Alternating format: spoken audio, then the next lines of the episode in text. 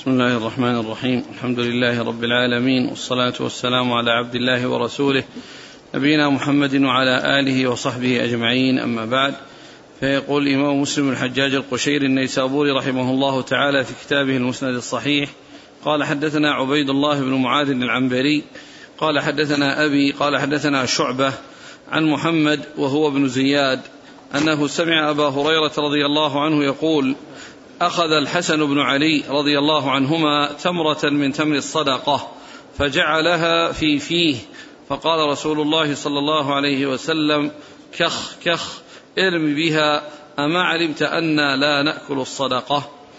قال حدثنا يحيى بن يحيى وأبو بكر بن أبي شيبة وزهير بن حرب جميعا عن وكيع عن شعبة بهذا الإسناد وقال أنا لا تحل لنا الصدقة. قال حدثنا محمد بن بشار قال حدثنا محمد بن جعفر حا قال وحدثنا ابن المثنى قال حدثنا ابن أبي عدي كلاهما عن شعبة في هذا الإسناد كما قال ابن معاذ أنا لا نأكل الصدقة. قال حدثني هارون بن سعيد الأيلي قال حدثنا ابن وهب قال أخبرني عمرو أن أبا يونس مولى أبي هريرة حدثه عن أبي هريرة رضي الله عنه عن رسول الله صلى الله عليه وآله وسلم أنه قال إني لأنقلب إلى أهلي فأجد التمرة ساقطة على فراشي ثم أرفعها لآكلها ثم أخشى أن تكون صدقة فألقيها. قال وحدثنا محمد بن رافع قال حدثنا عبد الرزاق بن همام قال حدثنا معمر عن همام بن منبه قال, حد قال هذا ما حدثنا أبو هريرة عن محمد رسول الله صلى الله عليه وسلم فذكر أحاديث منها وقال رسول الله صلى الله عليه وسلم إني لأنقلب إلى أهلي فأجد التمرة ساقطة على فراشي أو في بيتي فأرفعها لآكلها ثم أخشى أن تكون صدقة أو من الصدقة فألقيها. بسم الله الرحمن الرحيم الحمد لله رب العالمين وصلى الله وسلم وبارك على عبده ورسوله نبينا محمد وعلى آله وأصحابه أجمعين. أما بعد هذه الأحاديث تتعلق بالزكاة وأنها لا تحل لأهل البيت. بيت الرسول صلى الله عليه وسلم لا تحل له ولا تحل لأهل بيته. وأهل بيت الرسول صلى الله عليه وسلم يعني هم بنو هاشم. وبنو وبنو هاشم منحصرون في نسل عبد المطلب. لأن هاشما ليس له يعني نسل وإنما نسله في ابن في ابنه عبد المطلب. وكثر أولاده. وعلى هذا فإن أهل البيت آه، رسول الله صلى الله عليه وسلم وزوجاته وكل مسلم ومسلمة من نسل عبد المطلب. أهل البيت الرسول صلى الله عليه وسلم عليه الصلاة والسلام زوجاته وكل مسلم ومسلمة من نسل عبد المطلب. هؤلاء هم أهل بيت الرسول صلى الله عليه وسلم. هؤلاء هم أهل بيت الرسول صلى الله عليه وسلم الذين لا تحل لهم الصدقة. وقد ذكر مسلم رحمه الله الحديث الأول عن من هو عن الصحابي؟ عن أبي هريرة أخذ عن, عن أبي هريرة. نعم. قال إن الحسن أخذ تمرة من تمر الصدقة فجعلها في فيه. فالرسول صلى الله عليه وسلم قال له كخ كخ ارم بها. يعني كخ هذه تقال للصبي. إذا أخذ شيئا يعني يراد منه أن يلفظه أو أن يتركه يقال له كخ كخ هذا يخاطب بها, بها الصبيان. ارم بها يعني أراد منه أن يخرجها. ثم قال ما علمت أنها لا تحل لنا الصدقة يعني أهل بيت الرسول صلى الله عليه وسلم. فأرشده عليه الصلاة والسلام إلى أن يتركها وأن يخرجها من فيه وأن وذلك أن آل بيت الرسول صلى الله عليه وسلم لا تحل لهم لا تحل لهم الصدقة. فهذا يعني يدل على أن الصبيان يعاملون معاملة الكبار. الصبيان يعاملون معاملة الكبار والشيء الذي يمتنع منه الكبار يمتنع منه الصغار. ولما كانت الصدقة لا تحل لآل محمد صلى الله عليه وسلم فهي لا تحل حتى لصغارهم. الصبيان يعني لا تحل لهم الصدقة فلا يأكلونها ولا يستعملونها. ولهذا الرسول عليه الصلاة والسلام قال له كخ كخ ارمي بها يعني أنه يخرجها ولا يبقيها في فمه. وهذا يدل على أن الشيء المحرم يبتعد عنه وأنه حتى الشيء اليسير حتى ما كان شيئا يسيرا منه فإنه يعني يبتعد عنه لأن التمر شيء يسير. ومع ذلك الرسول عليه السلام أمره بأن يرمي بها وأن يخرجها وألا يعني يستمر في أكلها. وفيه أن الصبيان ينشأون على معرفة ما ينبغي لهم أن يفعلوه وما ينبغي لهم أن لا يفعلوه. يعني فيبين لهم ما يراد منهم فعله وما هو سائغ ومشروع ويبين لهم ما هو غير جائز في حقهم ليتركوه ويبتعدوا عنه. وينشأ الصغار الصغار ويربون على هذه الطريقة الحسنة وعلى هذه الطريقة السليمة التي فيها آه، الإقدام على ما هو مشروع والابتعاد عن كل آه، كل ما ليس بمشروع. أعد الحديث. قال أخذ الحسن بن علي تمرة من تمر الصدقة فجعلها في فيه فقال صلى الله عليه وسلم كخ كخ ارم بها أما علمت أنا لا نأكل الصدقة؟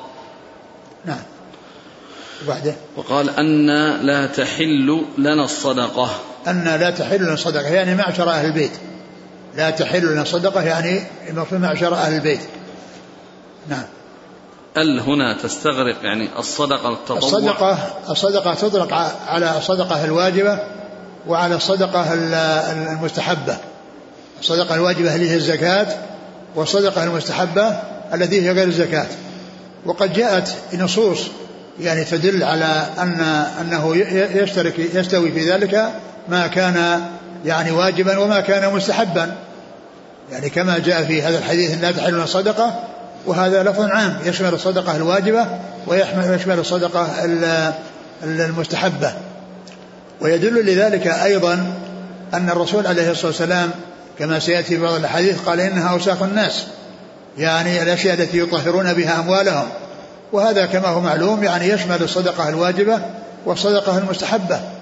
وكذلك أيضا الحديث الذي فيه قصة آه، يعني آه، بريرة التي قال هي هو هو لها صدقة ولنا هدية. لها صدقة ولنا هدية. يعني إنها يعني أعطيت شاة أو لحم شاة فقال هو لها صدقة ولنا هدية. يعني بمعنى أنه لما آه، صار في ملكها وهو صدقة فإنه إذا خرج منها يعني يكون بمثابة الهدية. لأن الصدقة إذا وصلت الفقير ملكها وخرج عن كونها صدقة. فيتصرف فيها بالبيع أو بالإهداء ولهذا قال هي لها صدقة ولنا هدية. وهذا يعني يشمل يعني الصدقة الواجبة والصدقة المستحبة. وقد جاء عن بعض أهل العلم وهو شيخ الإسلام ابن تيمية في كتاب له في هذا الموضوع وهو أن آل البيت إذا إنما منعوا من الزكاة لأنهم يعطون من الخمس يعني ما يكفيهم. قال فإذا كان أهل البيت لا لا يصلهم شيء من الخمس ولا يعطون فإنها تحل لهم الصدقة. لأن الشيء الذي منعوا من أجله غير موجود. فإذا كان غير موجود فمعنى ذلك أن أن الصدقة تحل لهم. نعم. الآن قلنا بأن آل البيت هم فقط بنو هاشم. هم بنو هاشم ويضاف إليهم بنو المطلب.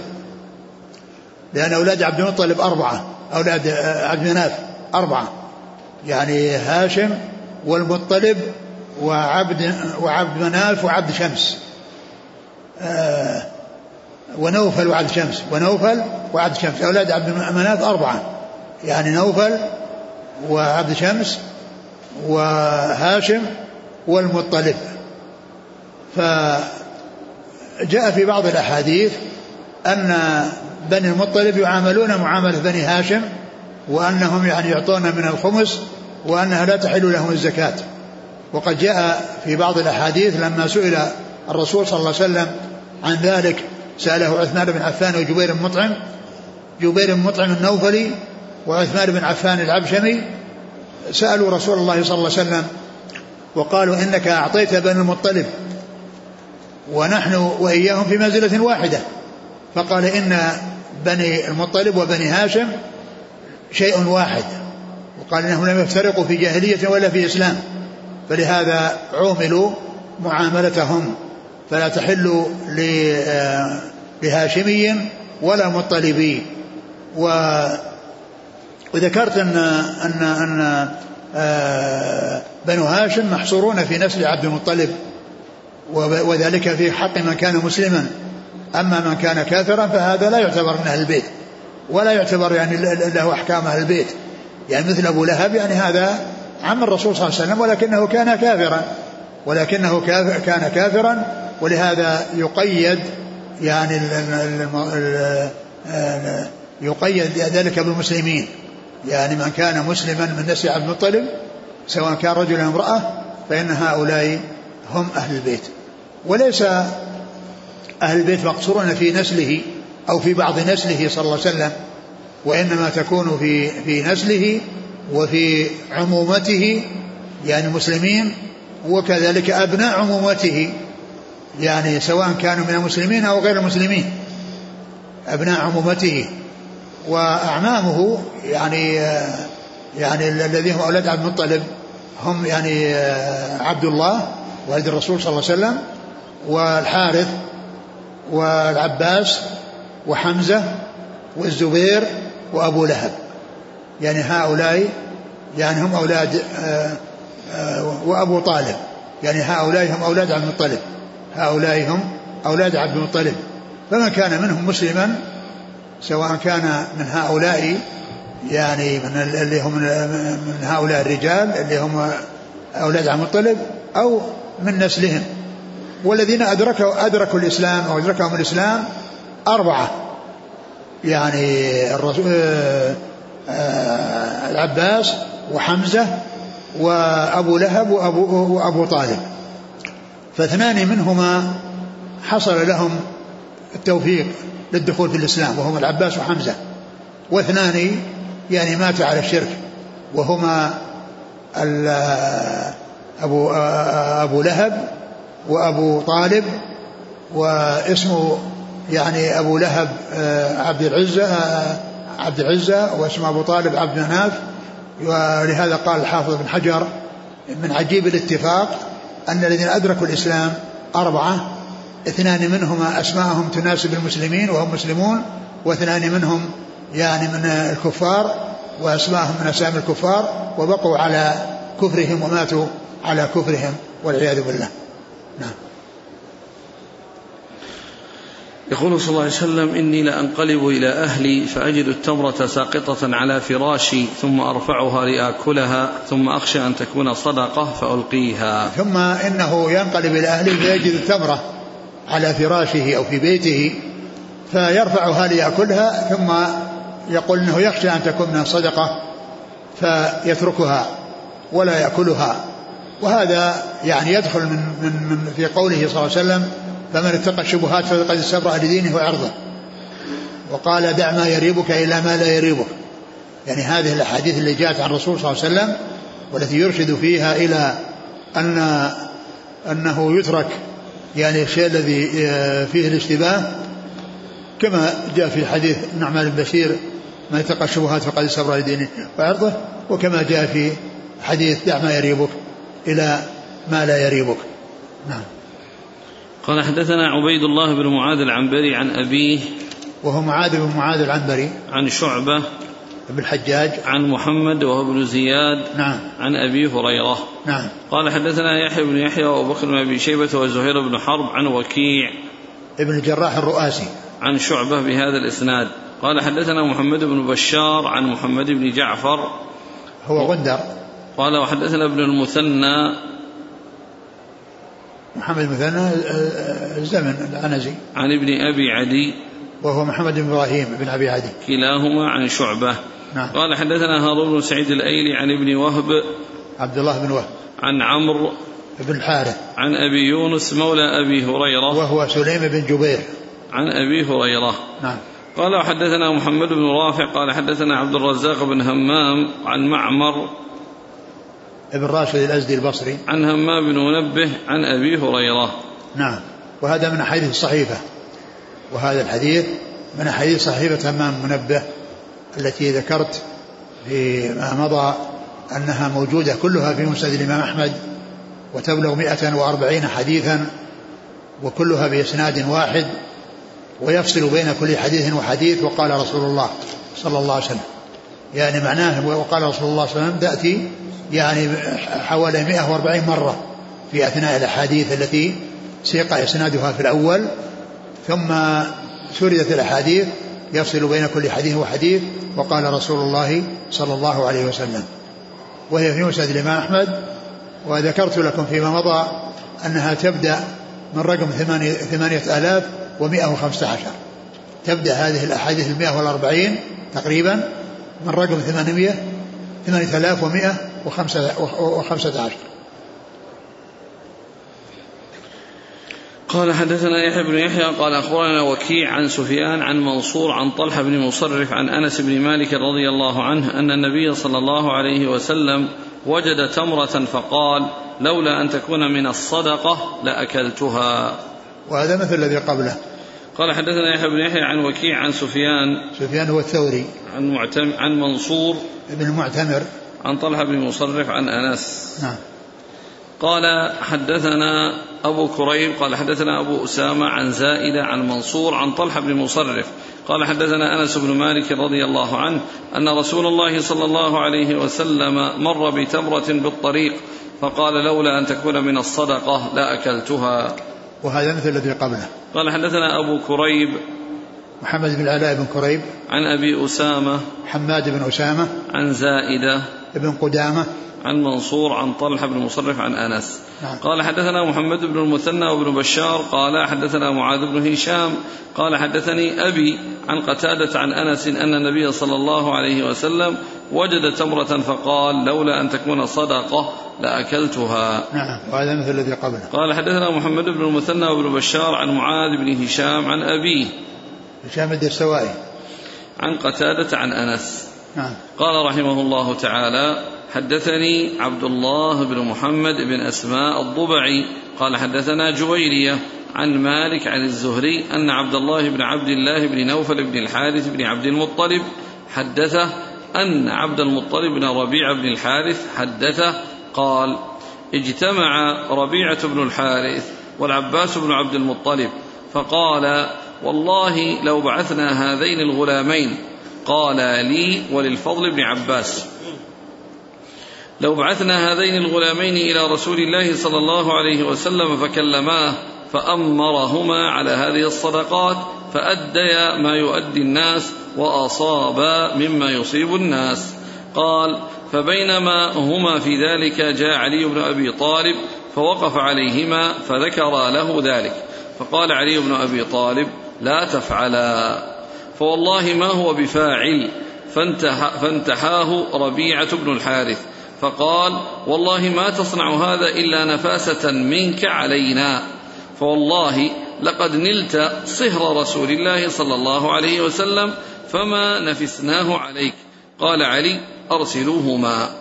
فانطلقا واضطجع علي قال فلما صلى رسول الله صلى الله عليه وسلم الظهر سبقناه إلى الحجرة فقمنا عندها حتى جاء فأخذ بآذاننا ثم قال أخرجا ما تصرران ثم دخل ودخلنا عليه وهو يومئذ عند زينب بنت جحش. قال فتواكلنا الكلام ثم تكلم أحدنا فقال يا رسول الله أنت أبر الناس وأوصل الناس وقد بلغنا النكاح. فجئنا لتؤمرنا على بعض هذه الصدقات فنؤدي إليك كما يؤدي الناس ونصيب كما يصيبون. قال فسكت طويلا حتى أردنا أن نكلمه. قال وجعلت زينب تلمع علينا من وراء الحجاب ألا تكلماه. قال ثم قال إن الصدقة لا تنبغي لآل محمد. إنما هي أوساخ الناس. ادعوا لي محمية وكان على الخمس. ونوفل بن الحارث بن عبد المطلب قال فجاءاه فقال لمحمية أنكح هذا الغلام ابنتك للفضل بن عباس. فأنكحه وقال لنوفل بن الحارث أنكح هذا الغلام ابنتك لي فأنكحني. وقال لمحمية أصدق عنهما من الخمس كذا وكذا. قال الزهري ولم يسمه لي. ثم ذكر هذا الحديث المتعلق بآل البيت وأنهم يعني كما أنهم لا يعطون يعني من الصدقة فإنهم لا يولون العمالة في الصدقة ويأخذون الأجرة على ذلك. يعني لأن الحديث اللي راح كلها تتعلق بالصدقة وأنها لا تحل لهم. وأما هذا الحديث فهو يتعلق بالعمل في الصدقة بأجرة. وأن أنهم منعوا من ذلك وأنهم يعني لا يولون مثل هذه الأعمال المتعلقة بالصدقات يعني حتى عن طريق العمل وتحصيل الأجر يعني في ذلك. يقول في هذا الحديث أن العباس بن عبد المطلب وربيعة بن الحارث بن عبد المطلب التقيا وتحدثا فيما بينهما بأنهم يرسلون عبد المطلب بن ربيعة بن الحارث والفضل بن عباس بن عبد المطلب إلى النبي صلى الله عليه وسلم يطلب منه يطلب منه أن يوليهم على الصدقة ليصيب مثل ما يصيب الناس ويتزوجون. يعني يحصلون شيئا يدفعونه مهرا يتزوجون به. فجاء علي وأخبره بالذي حصل فقال إن الرسول صلى الله عليه وسلم ليس بفاعل. وبعد ذلك تكلم عليه ربيعة ابن ابن الحارث وقال ما يعني ما حصل إلا نفست.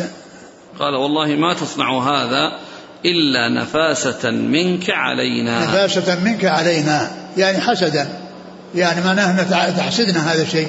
وأنت تزوجت بنت رسول الله صلى الله عليه وسلم وما نفسنا عليك يعني ما حسدناك. فقال أرسلوهما. يعني فكان علي رضي الله عنده علم بهذا وأنه يعلم يعلم مع رسول الله صلى الله عليه وسلم أن مثل هذا العمل لا يولى. يعني لبني هاشم فقال أرسلوهما فذهب إلى الرسول صلى الله عليه وسلم وصلى معه الظهر وسبقوه إلى باب الحجرة وكان عند زينب بنت جحش. فجاء الرسول صلى الله عليه وسلم ومسك آذانهما يحركها يداعبهما ويؤنسهما. قال أخرج ما تصرران يعني إيش اللي بأدمغتكم وفي أذهانكم ستقولونه؟ يعني كأنه بين يعني كما يقول بين أذان خبر. يعني فيه يعني شيء يعني يفهم منه أنهم عندهم حاجة سيتكلمون بها. فكان يؤنسهم عليه الصلاة والسلام بالملاطفة وبتلميس يعني آذانهم وفتلها وتحريكها وقال أخرج ما تصرران. يعني الذي عندكم أخرجه. فدخلوا معه وأخبروه بأن أنك أنك أنك إيش؟ أن المدح الذي مدحه الرسول؟ قالوا أنت أبر الناس وأوصل الناس. أنت أبر الناس وأوصل الناس. ونحن قرابة. نحن من قرابتك. وأنت أبر الناس وأوصل الناس عليه الصلاة والسلام. وأرادوا أنه يوليهم. وقد بلغوا النكاح. يعني وصلوا إلى سن الزواج. ويريدون أن يتزوجوا. فطلبوا منه أن يؤمرهم على بعض هذه العمالات المتعلقة بالصدقة. نصيب مثل ما أصاب الناس. فقال إن الصلاة لا إن الزكاة لا تحل لا تنبغي لآل محمد. إن الصدقة لا تحل لآل محمد لا تنبغي لآل محمد. ثم قال ادعوا لي محمي محمية بن جزء ونوفل ابن الحارث بن عبد المطلب نوفل بن الحارث بن عبد المطلب فلما جاء قال لمعمية زوج هذا ابنتك يعني عبد الفضل بن عباس. وقال لنوفل بن الحارث بن المطلب زوج هذا ابنتك. فزوجهما وأمر محمية وكان مسؤولا عن الخمس يعني سواء الخمس اللي هو الخمس الذي يختص به الرسول صلى الله عليه وسلم أو خمس ذوي القربى. فقال أعطهما من الخمس أو ادفع المهر من الخمس. فيعني دفع المهر وتزوج فالرسول عليه الصلاة والسلام لما ذهب إليه يطلبون عمل حقق لهم ما يريدون بأن خطب لهم وأمر باثنين أن يزوجوهم وأمر المسؤول عن الخمس أن يصرف أو يدفع المهر لهما من الخمس إيش بعده؟ هكذا قال هكذا وأصدق عنهما من الخمس كذا وكذا قال الزهري ولم يعني يعني لم يخبره يعني ما اخبره وش المقدار الذي. الذي آه، أمر به الرسول صلى الله عليه وسلم والذي حصل صداقا. نعم كذا وكذا يعني مبهم يعني حكاية لكنه ما فص ما ما ذكر يعني مقداره بالعدد وإنما بالإشارة كذا وكذا. قال ولم ولم يعلمني أو لم يعني يعرف آه، ذلك. أي هذا الذي آه، كن عنه بقوله كذا وكذا. نعم. قال حدثني عبد الله بن محمد بن أسماء الضبعي عن جويرية. ثم أيضا هذا عبد المطلب ابن ابن ربيعة بن الحارث هذا اسمه عبد المطلب.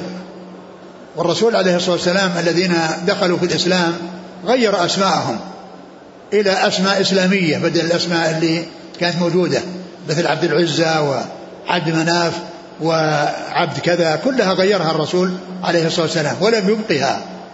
ولكن عبد المطلب هذا لم يغيره الرسول عليه الصلاة والسلام. لم يغير اسم عبد المطلب بن ربيعة وبقي على ما هو عليه. ولهذا قالوا إن عبد المطلب يجوز التسمية به. ويقول ابن حزم في كتابه مراتب الإجماع أجمعوا على تحريم كل اسم معبد لغير الله حاشا عبد المطلب. أجمعوا على تحريم كل اسم معبد لغير الله حاشا عبد المطلب. وذلك أن عبد المطلب ما كان في الأصل معبدا لغير الله يعني كما هي طريقة الجاهلية الذين كانوا يسمون بأسماء آلهتهم وبأسماء يعني أشياء يعني آه، يقصدونها. وإنما كان يعني جاء يعني اللي هو اللي هو عبد المطلب ابن مناف جاء مع عمه المطلب.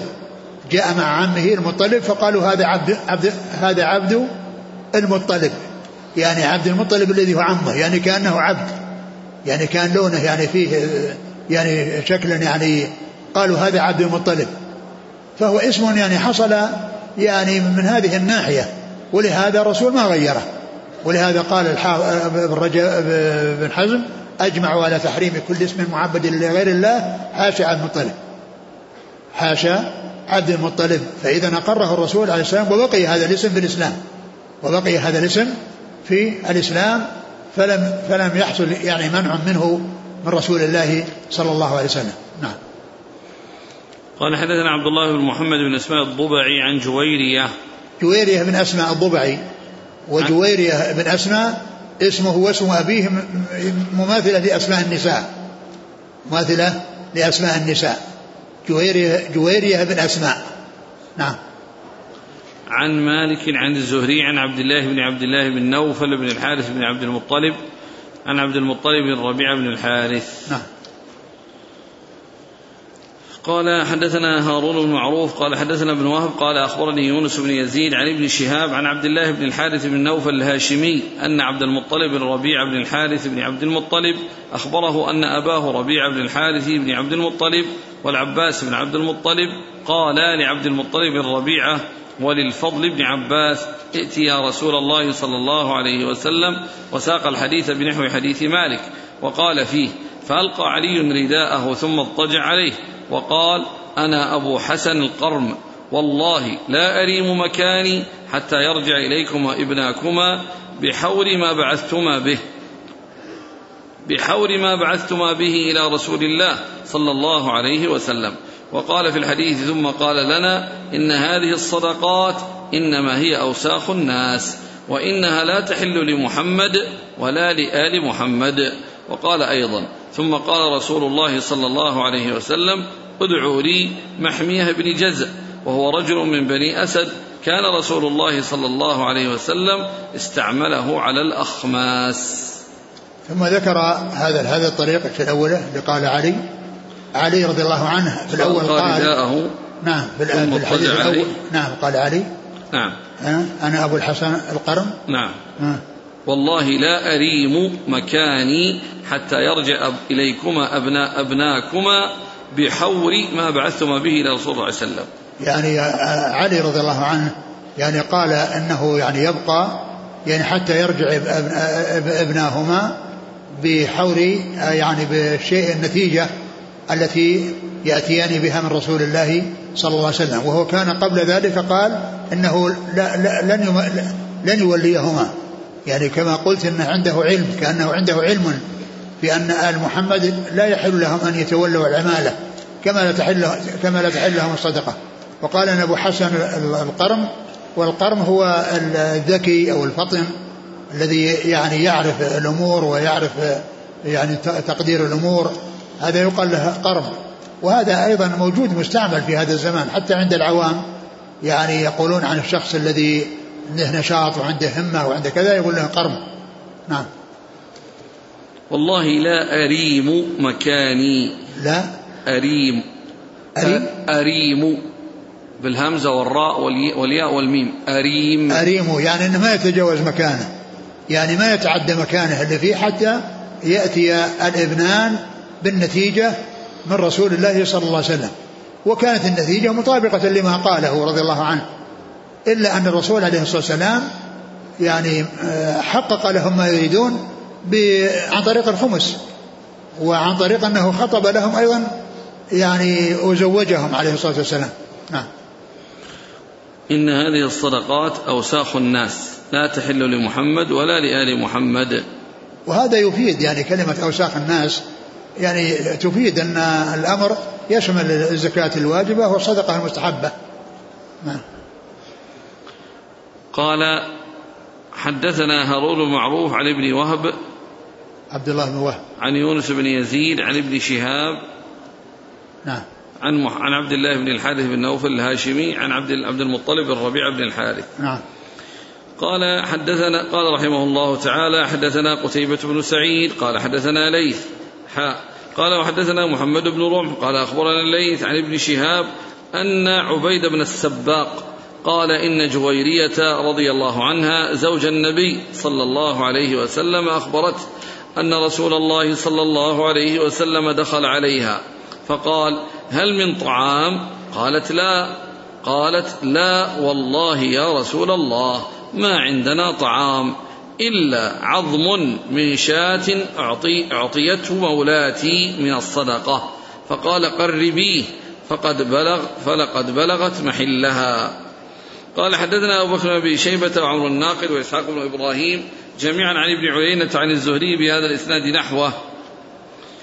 قال حدثنا أبو بكر بن أبي شيبة وأبو كريب قال حدثنا وكيع قال وحدثنا محمد بن المثنى وابن بشار قال حدثنا محمد بن جعفر كلاهما عن شعبة عن قتادة عن أنس قال وحدثنا عبيد الله بن معاذ واللفظ له. قال حدثنا أبي قال حدثنا شعبة عن قتادة أنه سمع أنس بن مالك قال أهدت بريرة إلى النبي صلى الله عليه وسلم لحما. لا الذي قبل هذا الذي قبل هذا جويرية نعم ومولاتها إيش قال؟ قال صلى الله عليه وسلم هل هل من طعام؟ قالت لا والله يا رسول الله ما عندنا طعام إلا عظم من شاة أعطيته مولاتي من الصدقة وهذا يعني فيه يعني أن, أن الرسول عليه السلام يأتي إلى بيته وكان عند جويرية وقال ما هل هناك طعام قالوا ما في طعام يعني بيته خالي من الطعام يعني وهذا يدل على ما كان ما كان الرسول وأهل بيته من التقلل من الدنيا وأنه يأتي عليهم الوقت الذي يعني لا ياكل لا, لا يجدون فيه طعاما يؤكل. وقد جاء في بعض الأحاديث أنهم عندهم يعني التمر التمر والماء هذا هو الذي يتيسر عندهم. وأما اللحم وغيره فإن هذا يعني لا يحصل إلا بقلة وبندرة. ففي هذا أن أنها قالت جويرية ما عندنا شيء إلا عظم فيه بقية لحم يعني آه، أعطيته أو صدق به على مولاتها. فقال قد بلغ محله يعني معناه أنه وصل إليها صدقة وملكته فيكون منها لغيرها هدية فيكون منها لغيرها هدية لأنها لا تستمر الصدقة صدقة باستمرار لأنها صدقة عند الفقير لكن الفقير لو باعها أو أهداها يعني فإنها خرجت من كونها صدقة. قال قبلغت محلها نعم. نعم قال حدثنا قتيبة بن سعيد عن ليث. انتهى نعم. نعم. ليث بن سعد. قال حدثنا محمد بن ربع عن ليث عن ابن شهاب عن عبيد بن السباق عن جويرية. قال حدثنا أبو بكر بن أبي شيبة عمرو الناقد وإسحاق بن إبراهيم عن ابن عيينة عن الزهري بهذا الإسناد. نعم. قال حدثنا أبو بكر بن أبي شيبة وأبو كريب قال حدثنا وكيع حا قال وحدثنا محمد بن المثنى وابن بشار قال حدثنا محمد بن جعفر كلاهما عن شعبة عن قتادة عن أنس حا قال وحدثنا عبيد الله بن معاذ واللفظ له قال حدثنا أبي قال حدثنا شعبة عن قتادة أنه سمع أنس بن مالك رضي الله عنه قال أهدت بريرة إلى النبي صلى الله عليه وسلم لحما تصدق به عليها. فقال هو لها صدقة ولنا هدية. ثم ذكر هذا الحديث عن عن عائشة. عن أنس. عن أنس. قال عن أنس. قال إن أن جوي أن أن بريرة أهدي لها يعني لحم ف يعني أهدي لها لحم. قال أنس أهدت بريرة إلى النبي نعم. صلى الله عليه وسلم لحما تصدق به نعم عليها. يعني تصدق عليها بلحم فأهدت منه للرسول صلى الله عليه وسلم. فأكل ذلك وقال فأكل ذلك وقال يعني أنها إيش قال؟ لها صدقة ولنا هدية. لها صدقة ولنا هدية. هو دخل عليها صدقة ثم لما ملكته صار خرج عن كونها صدقة فلها أن تبيع ولها أن تهدي وقد وصلت إلى الرسول صلى الله عليه وسلم هدية والرسول تحل له الهدية ولا تحل له الصدقة. وآل البيت تحل لهم الهدية ولا تحل لهم الصدقة. نعم. قال حدثنا أبو بكر بن شيبة وأبو كريب عن وكيع. قال حاول حدثنا محمد بن مثنى بن بشار عن محمد بن جعفر عن شعبة عن قتادة عن أنس. حا قال حدثنا عبيد الله بن معاذ واللفظ له عن أبيه عن شعبة عن قتادة عن أنس. نعم. قال حدثنا عبيد الله بن معاذ قال حدثنا أبي قال حدثنا شعبة حا قال وحدثنا محمد بن المثنى وابن بشار واللفظ بن المثنى. قال حدثنا محمد بن جعفر قال حدثنا شعبة عن الحكم عن إبراهيم عن الأسود عن عائشة رضي الله عنها وأتي النبي صلى الله عليه وسلم بلحم بقر. فقيل هذا ما تصدق به على بريرة. فقال هو لها صدقة ولنا هدية. وهذا مثل الذي قبله إلا أن اللحم يعني بين بأنه لحم بقر. نعم. آه قال حدثنا شعبة عن الحكم ابن عتيبة عن إبراهيم ابن يزيد بن قيس النخعي عن الأسود ابن يزيد بن قيس النخعي. عن عائشة. نعم. قال حدثنا زهير بن حرب وأبو كريب قال حدثنا أبو معاوية قال حدثنا هشام بن عروة عن عبد الرحمن بن القاسم عن أبيه عن عائشة رضي الله عنها أنها قالت كانت في بريرة ثلاث قضيات. كان الناس يتصدقون عليها وتهدي لنا. فذكرت ذلك للنبي صلى الله عليه وسلم فقال هو عليها صدقة ولكم هدية فكلوه. نعم. ثم ذكر هذا الحديث وهو مثل الذي قبله وقال إنه ذكر أنه فيها ثلاث سنن هذه واحدة منها. والسنتان الباقيتان هي أنه يعني لما اشترط يعني آه، الذين يملكون بريرة وأسيادها الذين كاتبتهم أو كاتبوها على أن تحضر لهم مالا إلى عائشة وقالت إنها يعني تعطيها آه، كل الشيء اللي طلبوا ولكن الولاء لها. فقالوا لا الولاء لهم. فالرسول صلى الله عليه وسلم أخبر بأن الولاء لمن اعتق وهذه سنة. حصلت يعني في في في في فيما يتعلق بشأن بريرة لأنها لأن الولاء لمن أعتق ولا يصير لغيره ولا يصير لغيره وإنما هو شيء مثل النسب فمن اعتق هو الذي يكون له الولاء.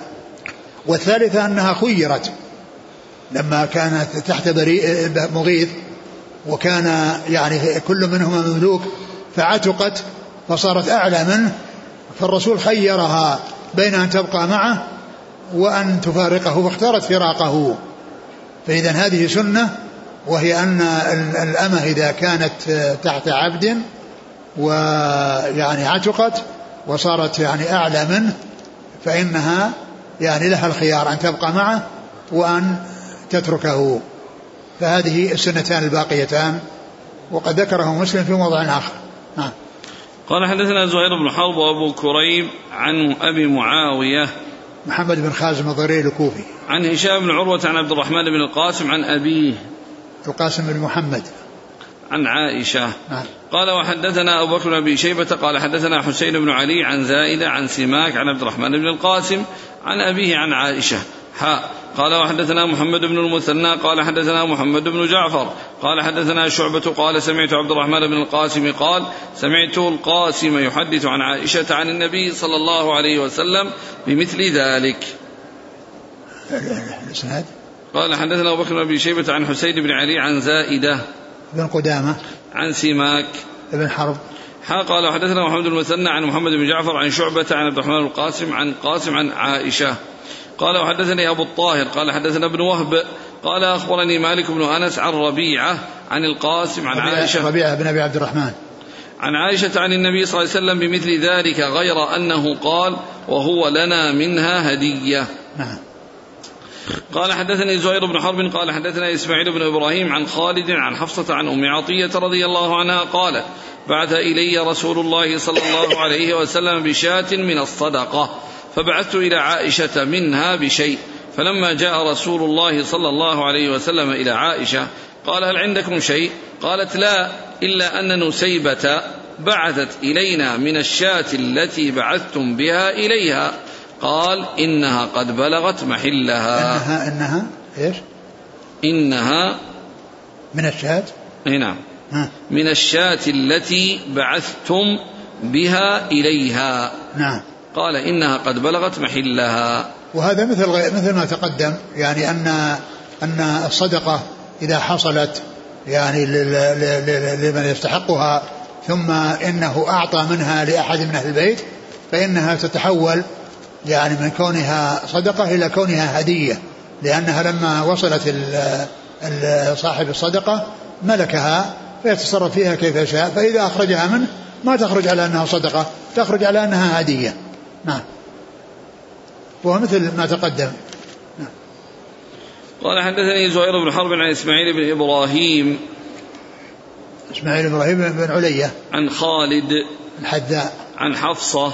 بن سيرين. عن أم عطية. نعم. قال رحمه الله تعالى حدثنا عبد الرحمن بن سلام الجمحي. قال حدثنا الربيع يعني ابن مسلم عن محمد وهو ابن زياد.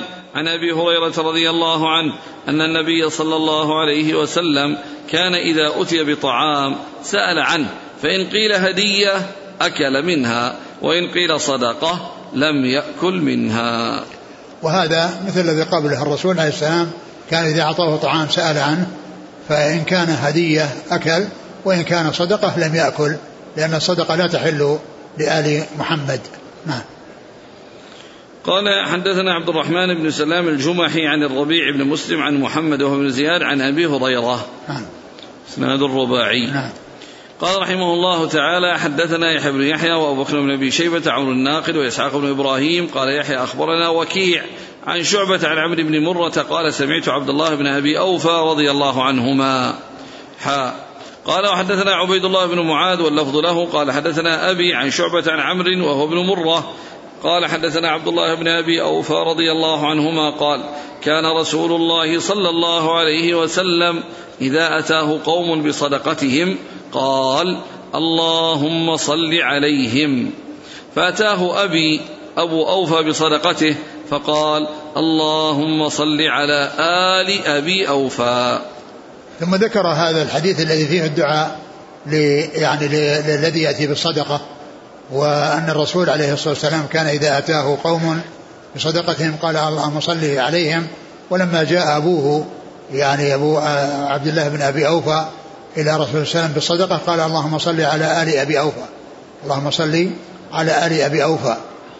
وهذا ذكر يعني بعض أهل العلم أن هذا اللفظ وأن الصلاة على الرسول على على غير الرسول أو على غير الأنبياء إنما إنما تكون تبعا للأنبياء.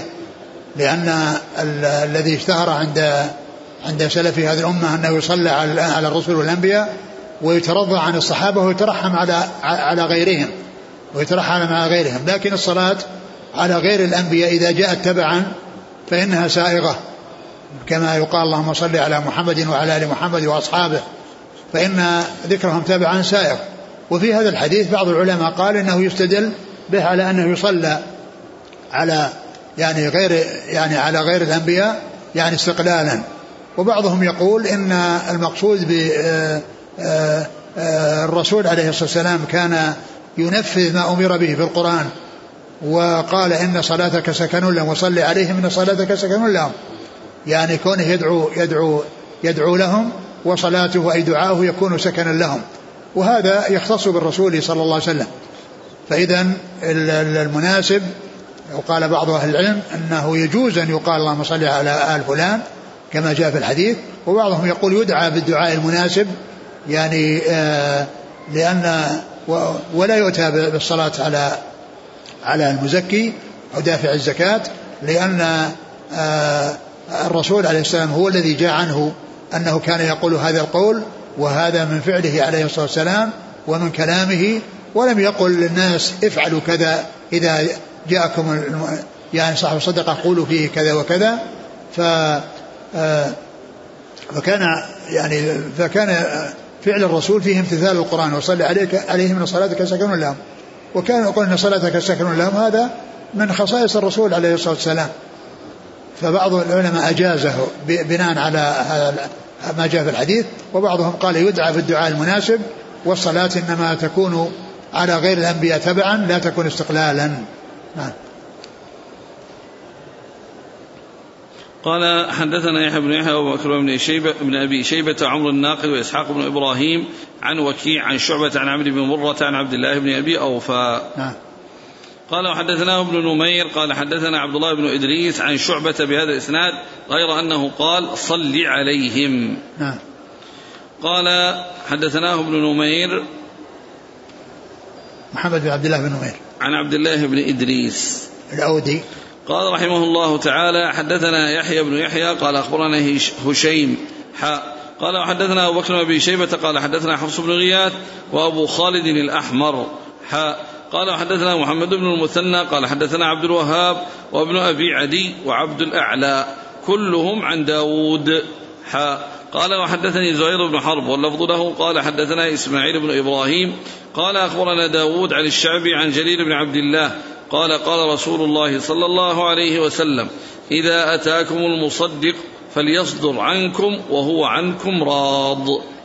ثم ذكر هذا الحديث في معاملة أصحاب الأموال للمصدق الذي يبعثه الإمام لقبض الصدقات وأخذ الصدقات منهم وأن أو قد أرشد عليه الصلاة والسلام إلى أن أن أصحاب الأموال إذا جاءهم مصدق يحرصون على أن يصدر عنهم أو يذهب عنهم وهو عنهم راضي. يعني معناها أنها مرتاح لمعاملتهم ولكونهم أعطوا الحق يعني عن طريق انشراح صدر وعن طريق طواعية وانبساط. وقد مر هذا الحديث وفيه أن فيما مضى أن جماعة من الأعراب قالوا للرسول صلى الله عليه وسلم إن العمال يأتون إلينا ويظلموننا. فقال أرضوا مصدقيكم أرضوا مصدقيكم. هكذا أجاب عليه الصلاة والسلام. وهنا أتى بهذه الرواية هنا وأن صاحب المال يحرص على أن يصدر عنه المصدق وهو راض والمصدق عليه أن يبتعد عن الظلم وقد حذر من الظلم للذين يأخذون الزكاة. في حديث معاذ قال فإنما طاعوك لذلك فأعلمهم ما افترض عليهم صدقة في أموالهم تؤخذ من أغنيائهم وترد على فقرائهم فإنما جابوك لذلك فإياك وكرائم أموالهم. إياك وكرائم احذر أن تأخذ منه الكرائم. يعني فلا يأخذ الكريم والنفيس ولا يأخذ الرديء وإنما يأخذ من الأوساط. من أوساط المال لا من أجوده ولا من أردئه وإنما من أوساطه. قال أرضوهم يعني يخرج يعني ينصرف المصدق عنه وهو عنهم راض. وكأن الرسول عليه السلام في الحديث السابق الذي قال إنهم يظلموننا يعني صرف النظر عن يعني ما ادعوه وما زعموه وقال يعني آه، أرضوا مصدقيكم. نعم. قال حدثنا يحيى بن يحيى عن هشيم. ابن بشير الواسطي. قال حدثنا أبو بكر بن أبي شيبة عن حفص بن غياث وأبو خالد الأحمر. هو سليمان بن حيان. قال حدثنا محمد بن المثنى عن عبد الوهاب. ابن عبد المجيد الثقفي. وابن أبي عدي. ومحمد بن إبراهيم. وعبد الأعلى. ابن عبد الأعلى. عن داود. ابن أبي هند. قال وحدثني زهير بن حرب عن إسماعيل بن إبراهيم عن داود عن الشعبي. وهو عامر بن شراحيل عن جرير بن عبد الله. البجلي رضي الله عنه.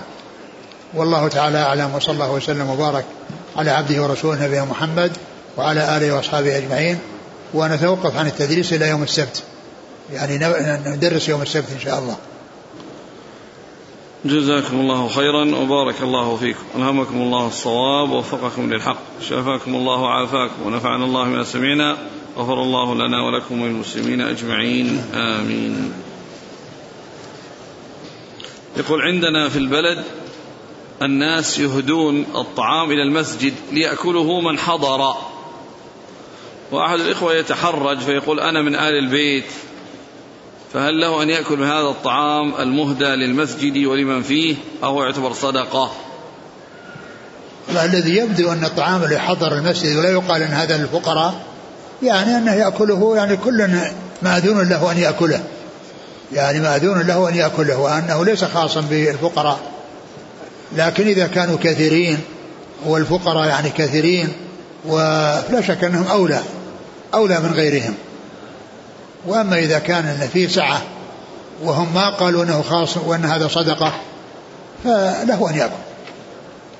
ثم أيضا ما ينبغي يعني فيما يتعلق باللحم وإدخاله المساجد لأن هذا يعني فيه مض... فيه يعني شيء يعني غير لائق بالمساجد من ناحية يعني سقوط يعني أشياء منه وكذلك وجود الرائحة يعني في المسجد التي هي رائحة الطعام.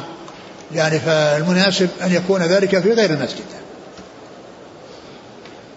يقول إذا عرفت شخصا من آل البيت وهو محتاج فهل يجب علي أن أهدي له بدل الصدقة إكراما لرسول الله صلى الله عليه وسلم. ما يجب عليك ما في وجوب لكن أهدي له. تعطيه شيء هدية؟ نعم ما في بأس لكن الوجوب ما في وجوب. وهو إكرام لأهل بيت الرسول صلى الله عليه وسلم. إكراما لأهل بيت الرسول صلى الله عليه وسلم. نعم. هل يؤخذ من حديث جويرية رضي الله عنها أن المال الحرام إذا اكتسبه الإنسان وتصدق به فهو حلال بالنسبة للمتصدق عليه آه الذي يبدو ليس هذا من هذا القبيل لأن يعني آه إيش لفظ حديث جويرية؟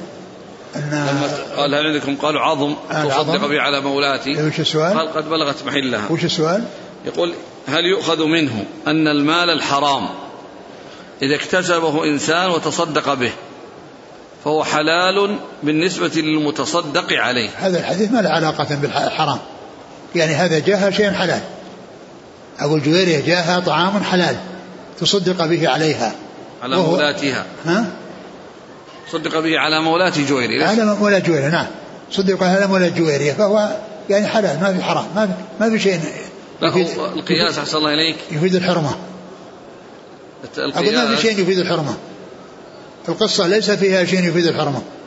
يعني دخل صدقة وهو لحم مباح وخرج هدية وكل ذلك مباح. وليس فيه شيء يعني فيه شبهة. نعم. هو فهمه أنه حرام على رسول الله صلى الله عليه وسلم. فبعدين لكن يعني هو لو تصدق بعد النبي صلى الله عليه وسلم مباشرة ما يحل له. إيش؟ لو تصدق به على النبي صلى الله عليه وسلم مباشرة ما يحل له. وهذا هذا ما قضية كل الأحاديث اللي راحت.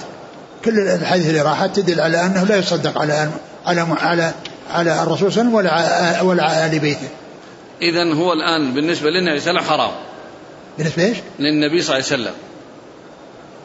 لو تصدق بهذا اللحم على رسول الله صلى الله عليه وسلم لكان في حقه حرام أن يأكل. في ذاك الوقت؟ أي نعم نعم طبعا هو بس القضية ما ما ما في حاجة للافتراض شيء وقع يعني شيء مباح و يعني وهو يعني في حق الرسول صلى الله عليه وسلم وأهل بيته لا يجوز. يقول قوله صلى الله عليه وسلم عن الصدقات إنها من أوساخ الناس. هل في دليل على جواز أن نقول عن المال أنه وسخ الدنيا؟ لا ما يقال هذا. يعني هو زينة الحياة الدنيا. المال والبنون زينة الحياة الدنيا. نعم. لكن أوساخ الناس المقصود بأنها تطهر أموالهم يعني معناه أنها تطهر أموالهم فيكون يعني هذا في حق غير أهل البيت هم الذين يأخذون هذا ولكن كما قلنا يعني هذا الحديث يفيد بأن الأمر يشمل الصدقة الواجبة والمستحبة. نعم. يقول عندنا كثير من الناس يقول بأنه من آل البيت ولكن لم تظهر عليهم مظاهر اتباع السنة بل يعمل أعمالا بدعية. فمثل هذا هل نصدق؟ أولا ما يصدق يعني كل شيء من يدعي أنه من أهل البيت يعني يصدق لكن كونه يعني وكونه يظهر عليه يعني أمور منكرة يعني ما يعني ذلك أهل البيت أنهم يعني ما يحصل منهم وما يحصل منهم بدع وما يحصل منهم كذا. يعني الرسول صلى الله عليه وسلم قال من بطأ به عمله لم يسع به نسبه. من بطأ به عمله لم يسع به نسبه. يعني النسب إذا كان مع التقوى ينفع. يقول الشاعر لعمرك ما الإنسان وال... كنتم تريدون تقولون البيت اللي يدل نعم البيت الذي يعني ذكره الرجب في شرح حديث حديث بطأ به عمله. بطأ به عمله ولم يسع به نسبه. أو في آخره هذا الحديث هذه الجملة. قال لعمرك ما الإنسان إلا بدينه. فلا تترك التقوى اتكالا على النسب. فقد رفع الإسلام سلمان فارس وقد وضع الشرك النسيب أبا لهب. وقد وضع الشرك النسيب أبا لهب. يعني صاحب نسب. ولكن الشرك هو الذي وضعه. وهذا فارسي ليس من العرب وقد رفعه الإسلام. لعمرك ما الإنسان إلا بدينه فلا تترك التقوى اتكالا على النسب. فقد رفع الإسلام سلمان فارس وقد وضع الشرك النسيب أبا لهب. نعم. يقول شخص يحب الاستقامة والهداية ولكنه يعاني من فساد العقيدة بسبب مصائب وابتلاءات الدنيا وأحيانا يترك الصلاة ثم يعود ويخشى من سوء الخاتمة وعدم الثبات عند الموت وهو مريض نفسيا فبماذا تنصحونه؟ أنصحه بأنها بأنه يعني يقدم على على الطاعة ويبتعد عن المعاصي ويكون شجاع يعني على نفسه وعلى الشيطان يعني بحيث يعني ما يترك آآ آآ للنفس الأمارة بالسوء وللشيطان يعني سبيلا عليه بحيث يقضون عليه ويحصل القضاء عليه وإهلاكه وإتلافه وإنما ينجو بنفسه ويبتعد عن الأشياء التي تعود عليه مضرة ويجاهد نفسه وجهاد النفس يعني هو الجهاد المقدم الذي لا يكون الجهاد على التمام والكمال إلا مع مجاهدة النفس. يعني من جاهد نفسه يستطيع أن يجاهد غيره. ولهذا يعني انصح أنا أن كل إنسان يعني يجد يعني عنده آه، محبة للطاعة وإقدام على المعاصي أن أنه يكون عنده شجاعة على نفسه وعلى الشيطان.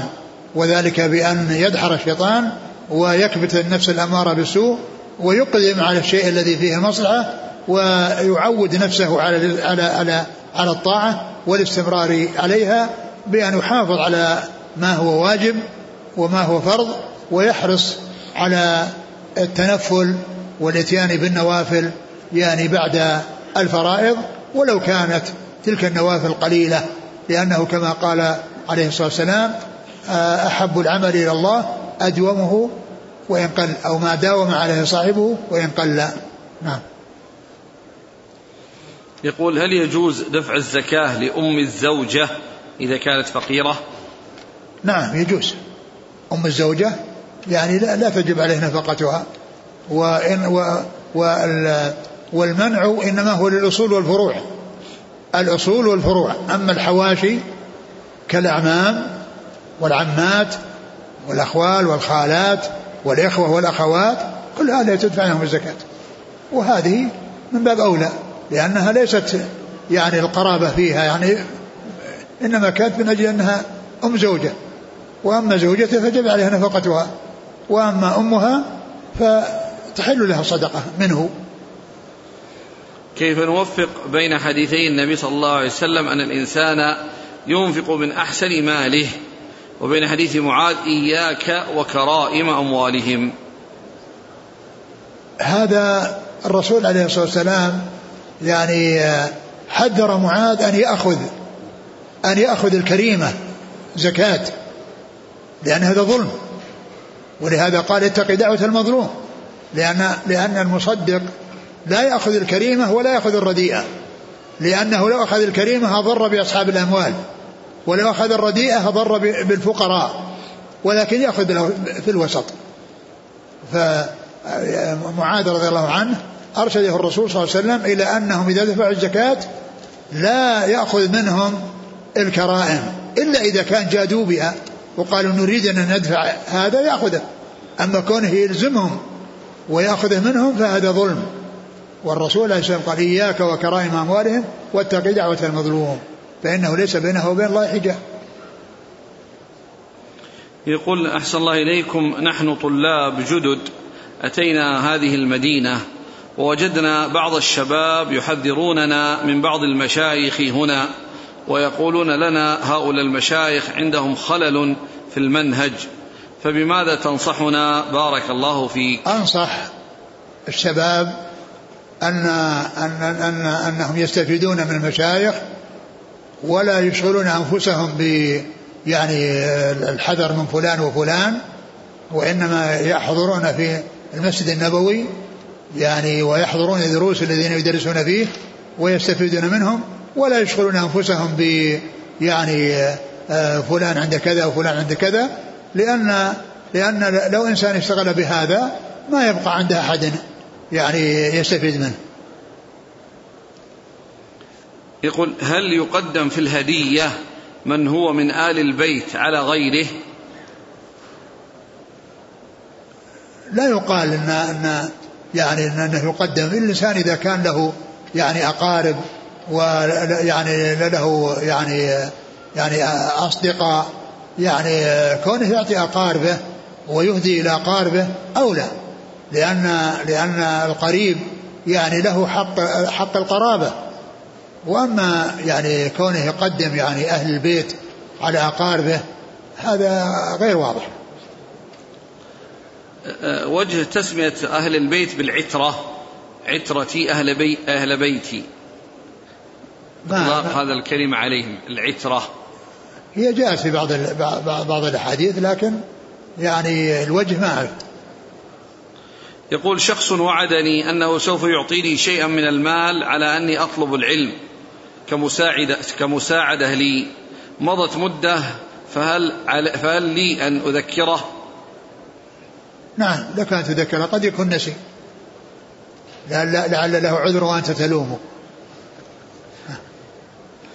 يقول عند السلام على رسول الله صلى الله عليه وسلم عند القبر جاء رجل يظهر أنه من طلاب العلم فقال السلام عليك يا جدي يا رسول الله. أيوة. فبادره الزائرون عند سماعهم بالعطايا والهدايا. أيوة. أقول كان إن كان قال هذا يريد الهدايا والعطايا فلكل امرئ ما نوى. نعم. يقول هل في الهدية أجر مثل الصدقة؟ لا شك فيه أجر. مثل الصدقة؟ لا المماثلة والمساواة لا ما يقال لنا متساوية. لكن لا شك أن هذه فيها خير وفيها أجر وهذه فيها خير وفيها أجر. ويعني مقدار الأجر هذا علمه عند الله عز وجل. هل يجوز تزويج من يترك بعض الصلوات بامرأة مسلمة؟ لا لا يزوج. الذي يترك بعض الصلوات لا يزوج أبد. يقول عندنا في البلاد بعض المناطق والأحياء تسمى بأسماء الأولياء فيقال ولاية سيدي فلان. أو حي سيدي فلان فهل نذكرها بأسمائها كما هي مع أن هذه أسماء أضرحة تعبد من دون الله؟ أعيد السؤال. عندنا في البلاد بعض نعم. المناطق أو الأحياء تسمى بأسماء الأولياء فيقال ولاية سيدي فلان أو حي سيدي فلان فهل نذكرها بأسمائها كما هي؟ إذا كان لها أسماء أخرى تعرف بها أذكروها. وإلا قولوا الذي يعني آه، يقال فيه كذا.